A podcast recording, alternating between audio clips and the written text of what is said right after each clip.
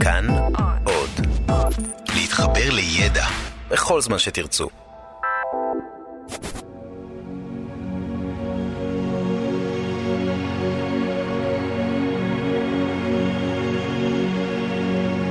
כבר בגן לימדו אותנו את סיפורם של אדם וחווה. למרות שסיפרו לנו שזכר ונקבה ברא אותם, הסבירו לנו שהיא נוצרה מהצלע שלו לאחר מכן. זה מילא, אבל אמרו לנו גם ש... ויקרא האדם שם אשתו חווה, כי היא הייתה אם כל חי. בספר חנוך מופיע הסבר מפי האל עצמו. ויקרא את שמה חווה, אם האדמה והחיים.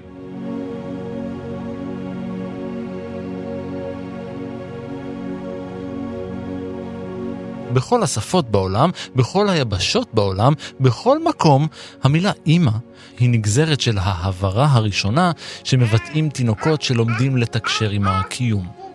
נראה לנו מאוד הגיוני שהמילה הראשונה שתינוק יגיד תהיה אימא, אבל הרבה יותר הגיוני שהיא תהיה אוכל.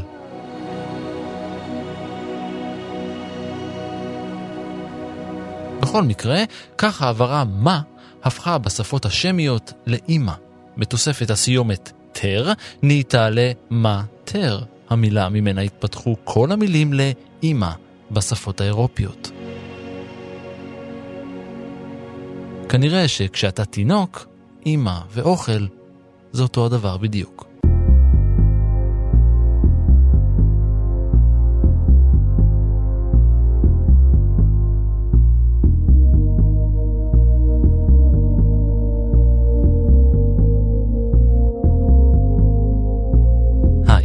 אני ערן מנהר ואתם על מנהר הזמן. מדי פרק אנחנו מספרים לכם על מקרה שקרה בעבר מזווית שכנראה עוד לא הכרתם. הפעם אנחנו יוצאים בעקבות אישה אחת אומללה שרק רצתה לזכור את אימא שלה ועשתה היסטוריה. בדרך נעבור במלחמת האזרחים האמריקאית, נפגוש מאמן פוטבול וגם נשיא כדי למצוא את המקור של יום האם. אנחנו מתחילים ביוון.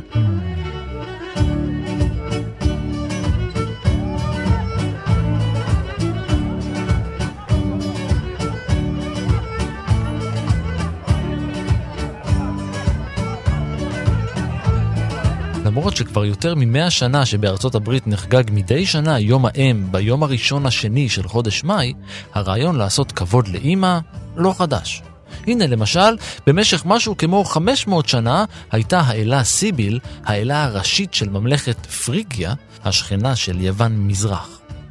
למען האמת, היא האלה היחידה המוכרת לנו מהימים ההם. זו הייתה אלה אם, שמקום מושבה היה באנטוליה, טורקיה של היום, ובני האדם הקדמונים סגדו לה עוד בתקופה הנאוליתית. על פי האמונה הנושנה, סיביל היא האימא של כל האימהות.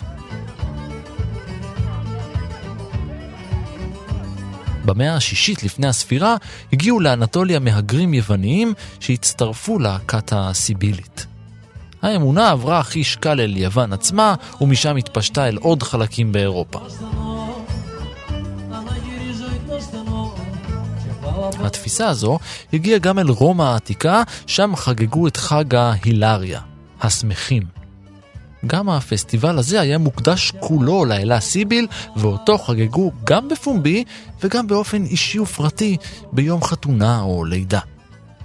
את הפסטיבל שהרומים כינו פריה סטטיבה הקדישו לאימא של כולם, והוא נחגג ביום הראשון בשנה, בו שעות היום ארוכות יותר משעות הלילה. במילים אחרות, חגיגות פתיחת הקיץ.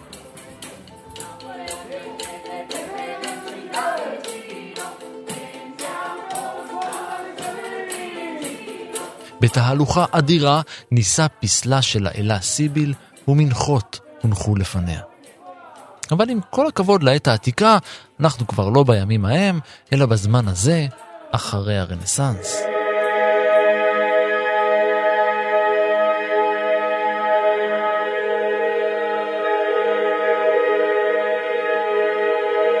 במאה ה-16 הבריטים הקדישו יום מיוחד לאימהות, Mothering Sunday. אבל זה לא היה יום של אימא של ממש. באותם הימים, אנשים היו מגיעים אל הכנסיות שלהם לטקס שנתי מיוחד.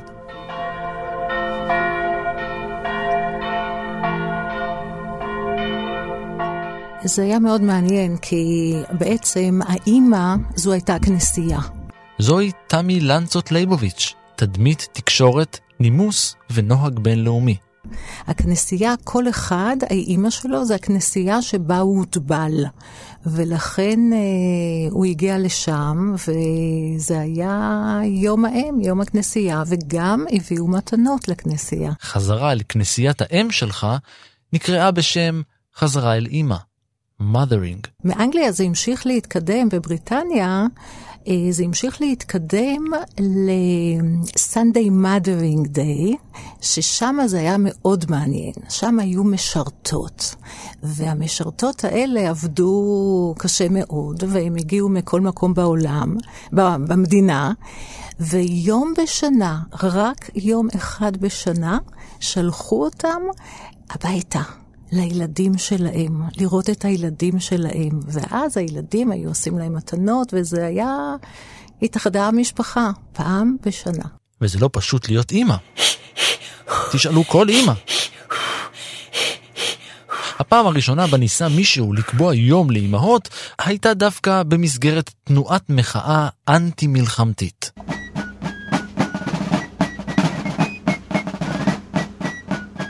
העשורים האחרונים של המאה ה-19 היו רבועים בדם.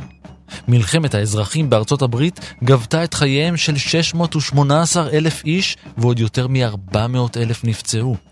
במלחמה בין פרוסיה וצרפת קיפחו את חייהם למעלה מ-300 אלף בני אדם.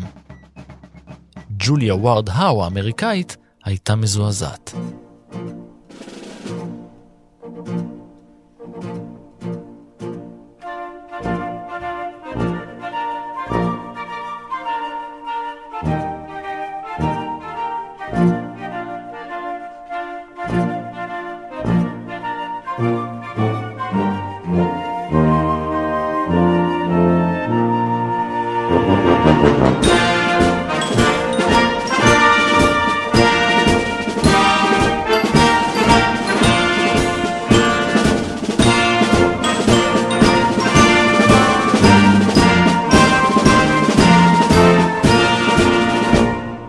הייתה סופרת, אה, ובזכותה יש את השיר, את ההמנון הזה, שבעצם זה לא המנון של ארצות הברית, אבל הם תמיד באירועים טקסיים משמיעים אותו, וזה בזכותה, כי היא כתבה את התוכן של זה. היא לקחה מנגינה אה, מאוד אה, מיליטנטית, וכתבה את הזעם על כל המלחמה, והיא חשבה שאנשים יבואו עם שלום. השיר The Battle Hymn of the Republic מדבר על חזון נביאי הזעם ומחבר אותו למלחמת האזרחים. מה זה המלחמה הזאת? אנחנו רוצים שלום, אנחנו רוצים לחזור לשלום, וזה מאוד יפה. השיר הפך לאחד ההמנונים הפטריוטיים האמריקאים.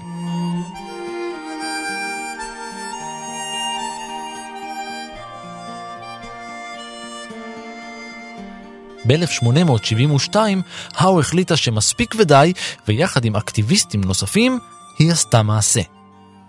המטרה הייתה לעורר הדים, שכל העולם יתאחד ויזכור לדיראון את זוועות המלחמה.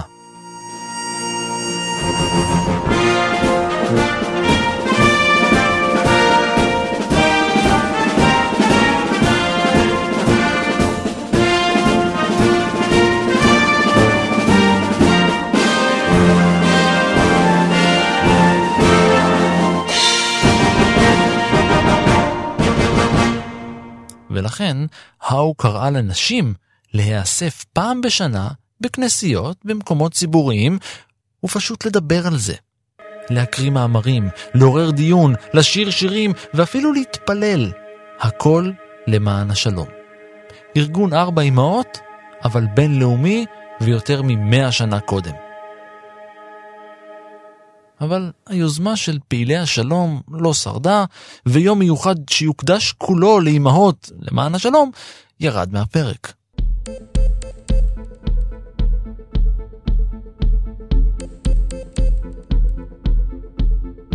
עד שהגיע מאמן הפוטבול פרנק הרינג בשנת 1904. כחבר פקולטה באוניברסיטת נוטרדם, הוא הרגיש שהוא צריך לעשות משהו כדי להוקיר את האימהות והאימהות.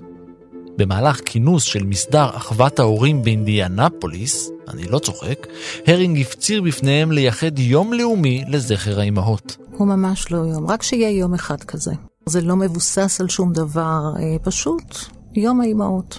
אבל הוא העדיף שזה יהיה ביום ראשון. תמיד. בארצות הברית כל דבר, בכלל בעולם, הם לוקחים מיום ראשון, אה, כל חג זה הולך לפי אה, יום, ש... היום הראשון, השני בחודש כזה וכזה, אף פעם לא תאריך אה, fix. החברים באחווה לקחו את ההצעה של הרינג ברצינות גמורה.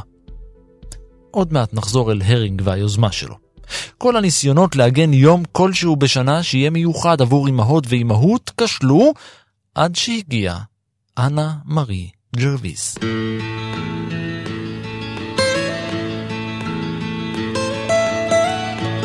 Almost heaven, West Virginia, Blue Ridge Mountains, Shenandoah River.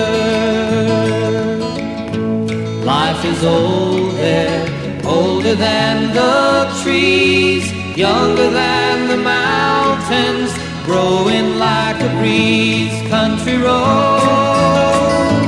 take me home place I belong, West Virginia.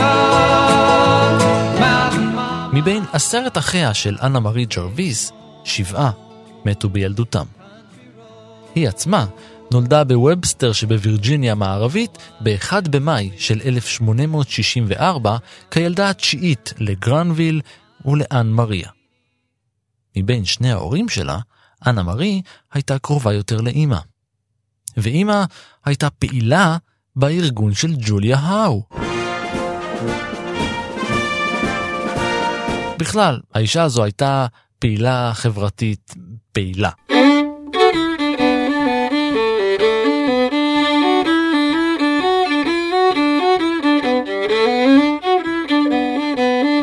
מה פתאום אישה, אישה תשבי בבית ותגדלי את הילדים שלך. והיא רצתה, עוד פעם, זה היה עם סיפורי המלחמה, והנה נהרגו האחים, הילדים, זה, זה המוות צרר, והנה השלום, עוד פעם השלום, השלום מכל מקום מנסה לצוץ לנו, וזה מה שהיא ניסתה לעשות. דרשות, זה מה שהיא עשתה, דרשות, כנסים, ארגונים, נתנה המון הרצאות, זה היה מאוד חדש, אישה בכנסייה. זה היה באמת דבר מאוד מוזר. משהו באקטיביזם של אן מריה דבק באנה מרי.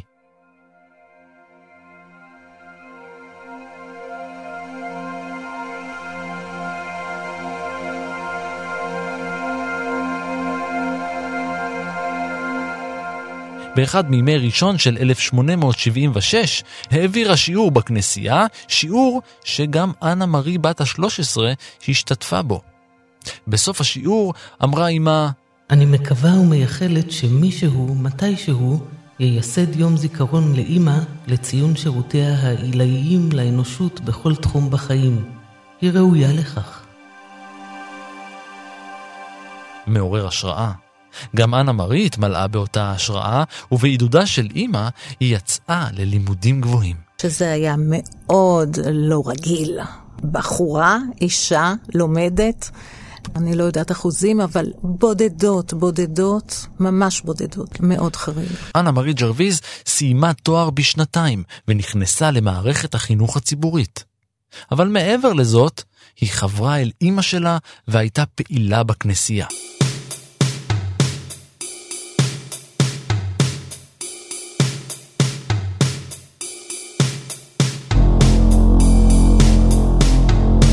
אולי אלה היו האחים הרבים שמתו בגיל צעיר, אולי זה היה השיעור שהניע אותה, אנה מארי שמרה על קשר צמוד והדוק עם אמא שלה.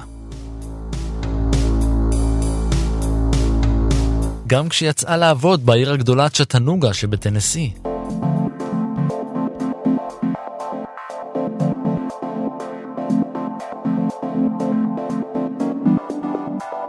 היא עבדה כפקידה בבנק במשך שנה, לאחר מכן, בניגוד להפצרותיה של אימא שתחזור אליה הביתה, היא שוב עברה הפעם לפילדלפיה, שם גרה עם אחיה.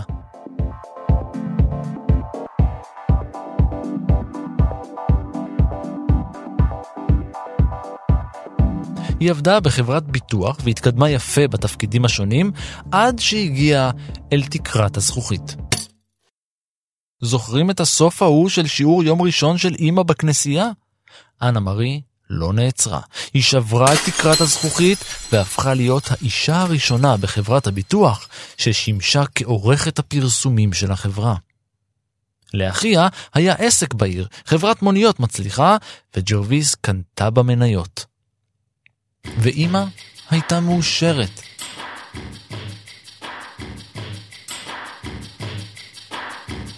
נכון, אנה מארי שלה הייתה רחוקה ממנה פיזית, אבל השתיים שמרו על קשר רצוף במכתבים בהם הדגישה האם המזדקנת כמה היא גאה בהישגיה של הילדה שלה. חרף המרחק, הן הרגישו קרובות מתמיד.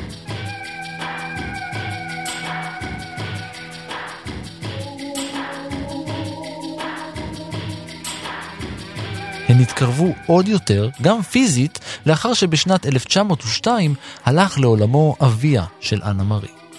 גם היא וגם אחיה היו מוטרדים ממצב בריאותה שהלך והידרדר, ולכן האיצו בה לעבור ולבוא לגור איתם בפילדלפיה.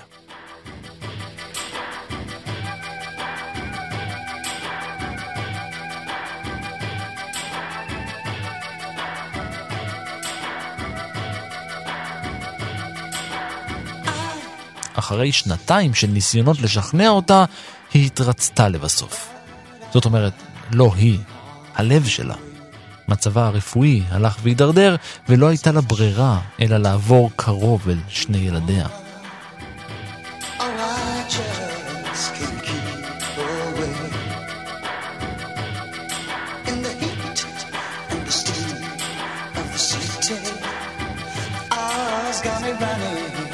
במשך שנה צעדה אנה מארי את אמה כשבריאותה הולכת ומידרדרת עוד ועוד. בתחילת מאי 1905 היא הלכה לעולמה.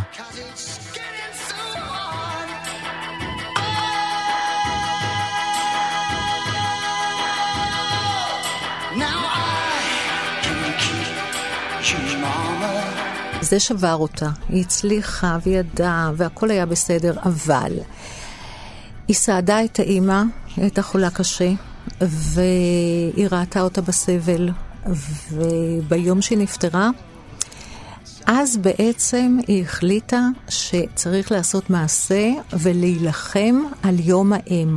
תראה, בארצות הברית אה, אנחנו רואים מה קורה למשפחה. משפחה בארצות הברית מפוזרת על שטח ענק. עובדה, הן היו קרובות במנטליות, אבל הן לא פיזית. אנחנו היהודים, יש לנו משהו מעניין. אנחנו מאוד משפחתיים, אנחנו מאוד קרובים, גם קרובים פיזית.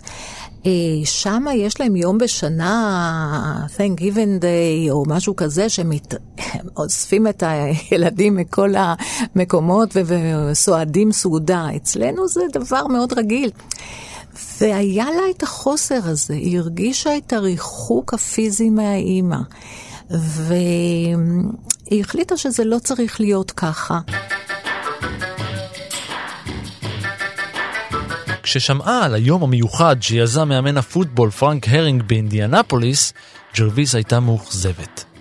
לא יכול להיות, היא אמרה, שליום שמוקדש לאימהות, יהיה אבא ולא אימא.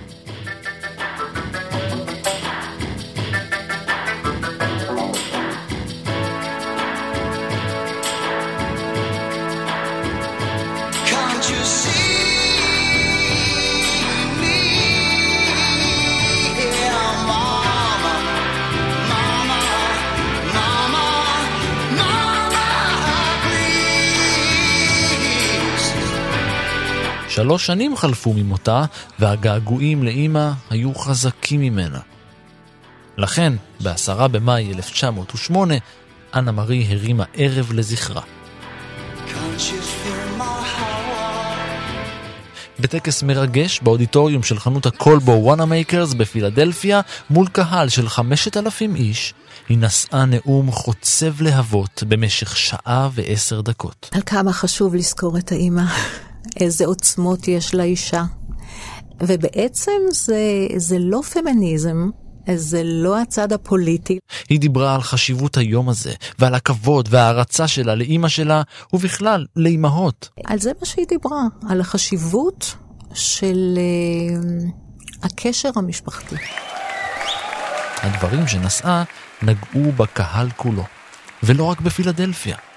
באותו היום היא שלחה 500 ציפורנים לבנים אל הכנסייה המתודיסטית האפיסקופלית בווירג'יניה המערבית, אותה כנסייה בה לימדה אימא שלה במשך שנים. אל הציפורנים התלווה מברק המבקש מחברי הכנסייה לשאת את הפרח על דש הבגד כדי להכיר תודה לכל האימהות על כל מה שעשו למענם. היום זה הסמל של יום האם בארצות הברית. האירוע הזה שיזמה ג'רוויז והמקומות בהם הוא התקיים נכנסו להיסטוריה. זה היה טקס יום האם הרשמי הראשון. Happy Mother's Day!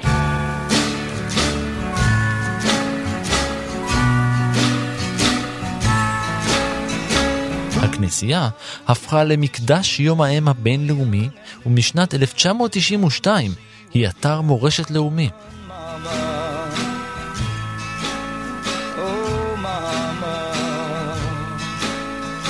גם הציפורנים הלבנים נכנסו להיסטוריה, אבל תכף נגיע לזה.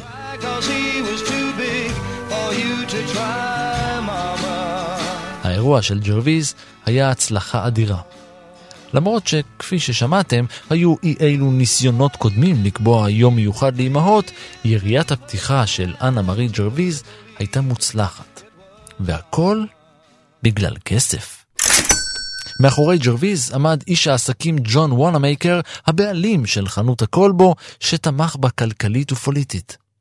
היא ראתה בעצמה כמי שקבעה את יום האם בלוח השנה. היא ראתה את עצמה מנהלת שמה, היא ראתה את עצמה עם כוח. היא בהחלט הייתה עם השפעה מאוד חזקה. היא התעקשה על הפן הרגשי ונפשי בדבר הזה, והעוצמה שהיא רוצה לתת, והחום והאהבה ליום הזה, והחשיבות שלו מבחינה אנושית. ולא עסקית. אבל למרות שהאזרחים סביבה התחילו לציין את היום הזה, יום האם לא היה יום רשמי. כדי שייכנס לספרים ולרשומות, היא הייתה צריכה לובי. וכדי לייצר לובי, היא הייתה צריכה לכתוב מכתבים. אז היא ישבה וכתבה. עוד באותה השנה, 1908, הקונגרס האמריקאי דחה את ההצעה לקבוע את יום האם כיום רשמי. בחצי חיוך נטען שיום האם יוביל גם ליום האימא שלה,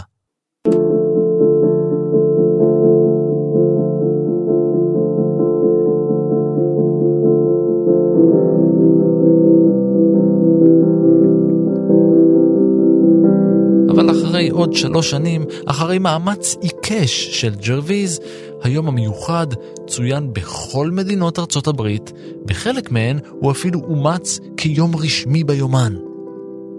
שש שנים בדיוק אחרי האירוע ההוא בקולבו, זה סוף סוף קרה.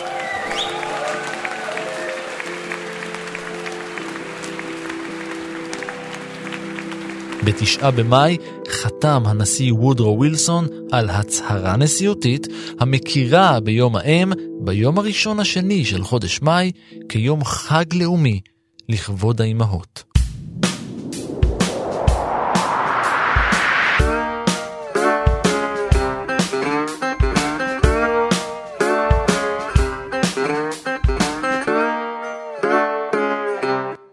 יום האם, לא יום האימהות, לא יום האישה, יום האם.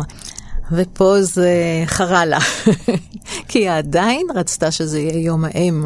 הקשר לאימא שלה, או בכלל קשר של כל אחד לאימא שלו. אה, היא רצתה שזה יהיה ממש אחד על אחד, ולא באופן כללי אימהות, כי אימהות זה תכף הולך לקטע הפוליטי, לשלום, לפמיניזם שהיה אז כבר מאוד חזק, והיא רצתה מאוד שזה יישאר משהו אמיתי. כך, כל משפחה הייתה חוגגת לאימא אחת ולא לכל האימהות. האזכרה שאנחנו עושים לאימא שלנו, זה בעצם מה שהיא רצתה לעשות.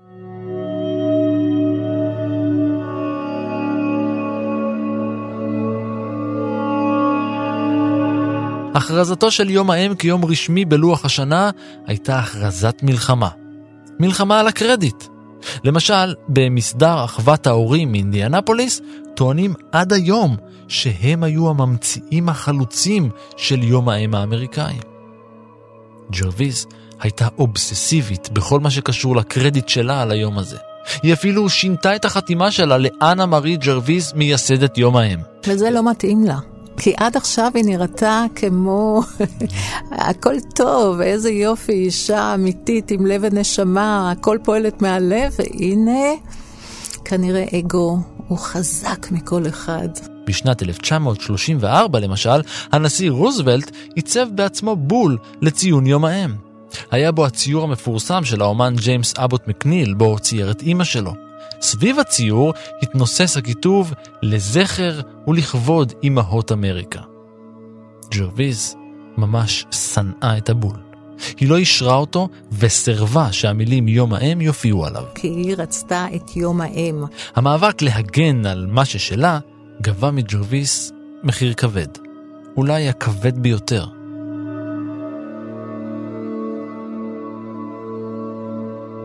והכל, שוב, בגלל כסף. אנה מרי ג'רוויז האמינה בסמלים, והציפורן הלבן הפך להיות מזוהה עם יום האם.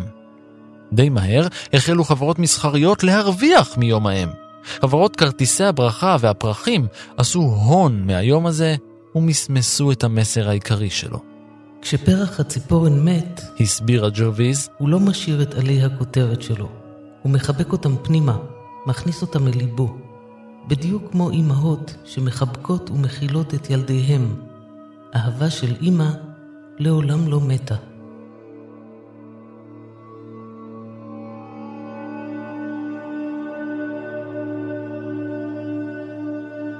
אבל גם הציפורנים הלבנים הפכו לכלי לפרסום. הם מוסחרו והשתכללו, ועד שנות ה-20 מחירי הציפורנים הרקיעו שחקים. כשתעשיית הציפורנים הלבנים התחילה להראות סימני מיתון, ציפורנים אדומים הוצגו ונמכרו לציבור. והיו למוכרי הפרחים גם תירוצים משכנעים. ציפורן אדום לאמא בחיים, ציפורן לבן לאמא שכבר לא איתנו. ג'רוויז הייתה מזועזעת. כדי לנסות ולהתמודד עם המסחור, היא יצאה למאבק משלה. היא התחילה להסתובב כשהיא עונדת על בגדי הסיכה עם סמל יום האם משלה. המשמעות של כרטיס ברכה מודפס, היא אמרה, היא שאתה עצלן מדי מכדי לכתוב לאימא שלך שעשתה עבורך יותר מכל אחד בעולם.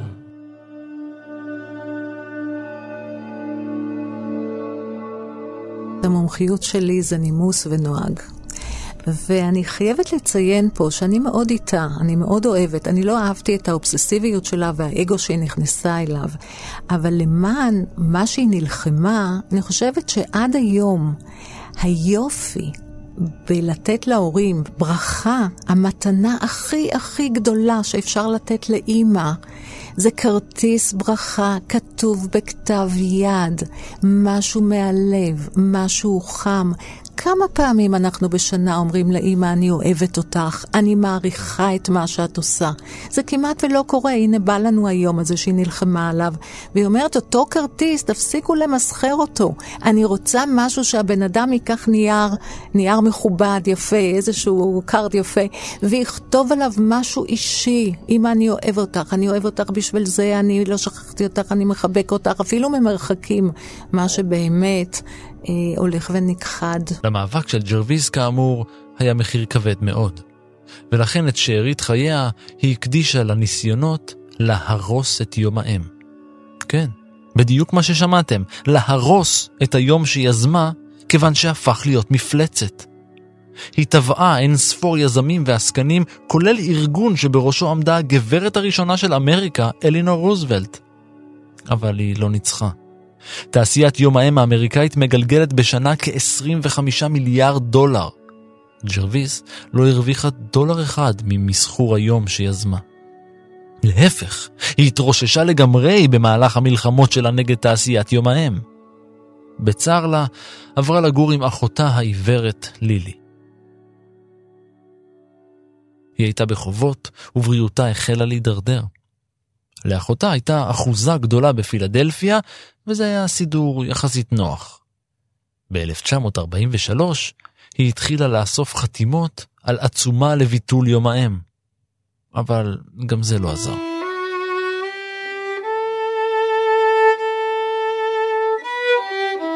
מצבה הבריאותי החמיר, וכמו אחותה, גם אנה מארי איבדה את ראייתה.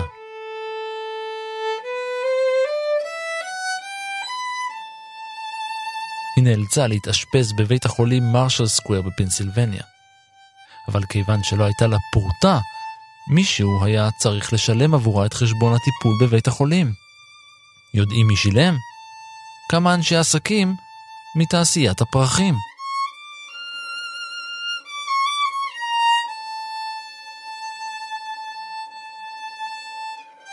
זה הפרח ציפורן לבן, אז זה לא סתם הם עשו את זה. עם זה, זה הפרח הדגל שלהם. הם uh, עשו מזה הרבה כסף. היום אנחנו נקרא לזה מותג.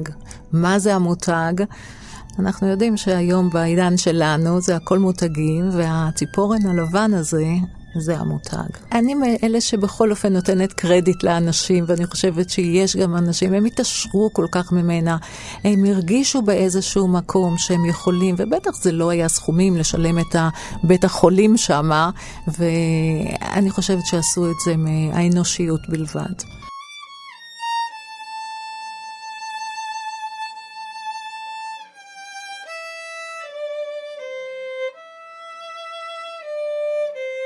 אנה מארי ג'רוויז הייתה כל כך עסוקה בשימור זכר אימא שלה, ואחר כך במאבקים נגד ההתמסחרות של היום הזה, שהיא בכלל לא חשבה על הדור הבא.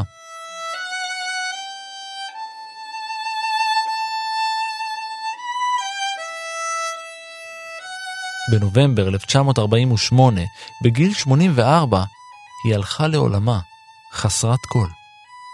היא אף פעם לא התחתנה, ולא הביאה ילדים לעולם.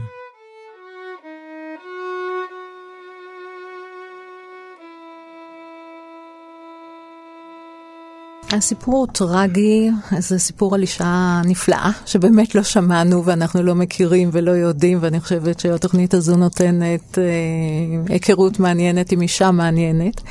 היום הזה, יום האם, בארצות הברית הפך להיות יום האב, לא הפך, אבל יש גם יום האב, ואחד הדברים היפים שכל הימים האלה, גם האם וגם האב, הפכו היום בעידן המודרני העכשווי הזה להיות יום המשפחה, וליום המשפחה יש דבר מאוד יפה, כי היום אנחנו כבר לא יודעים מי זה האימא.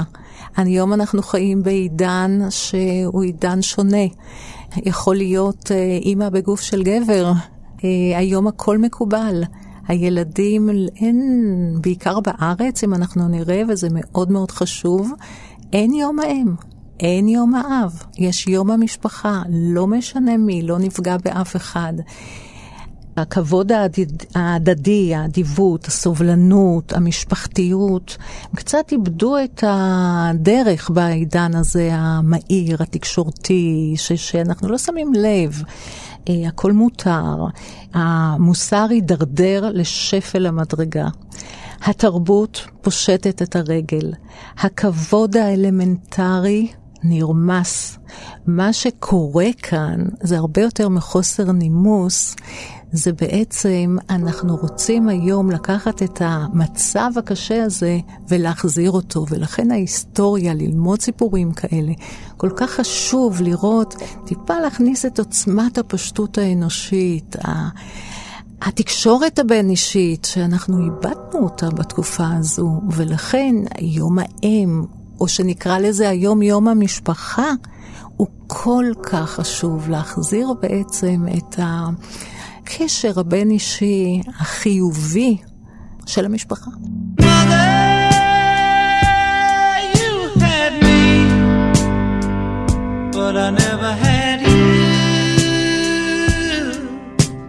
ועד כאן מנהר הזמן להפעם. תודה לתמי לנצוט ליבוביץ', תודה גם לאור מנהר שהיה על ההפקה ויש לו אימא בדיוק כמו שלי, ולניר גורלי שענד ציפורן לבן והיה על העריכה. תודה מיוחדת גם לענת הראל. עוד סיפורים מההיסטוריה ופרקים נוספים של מנהר הזמן תוכלו לשמוע כל הזמן באפליקציית כאן אודי, באתר שלנו כאן.org.il/פודקאסט ובכל אפליקציה אחרת שאתם מעדיפים לשמוע בהסכתים.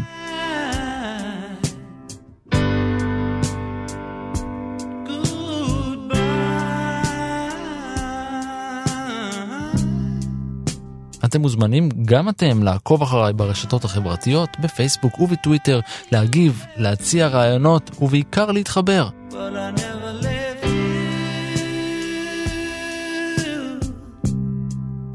אני ערן מנהר, נשוב וניפגש בפרק הבא. You didn't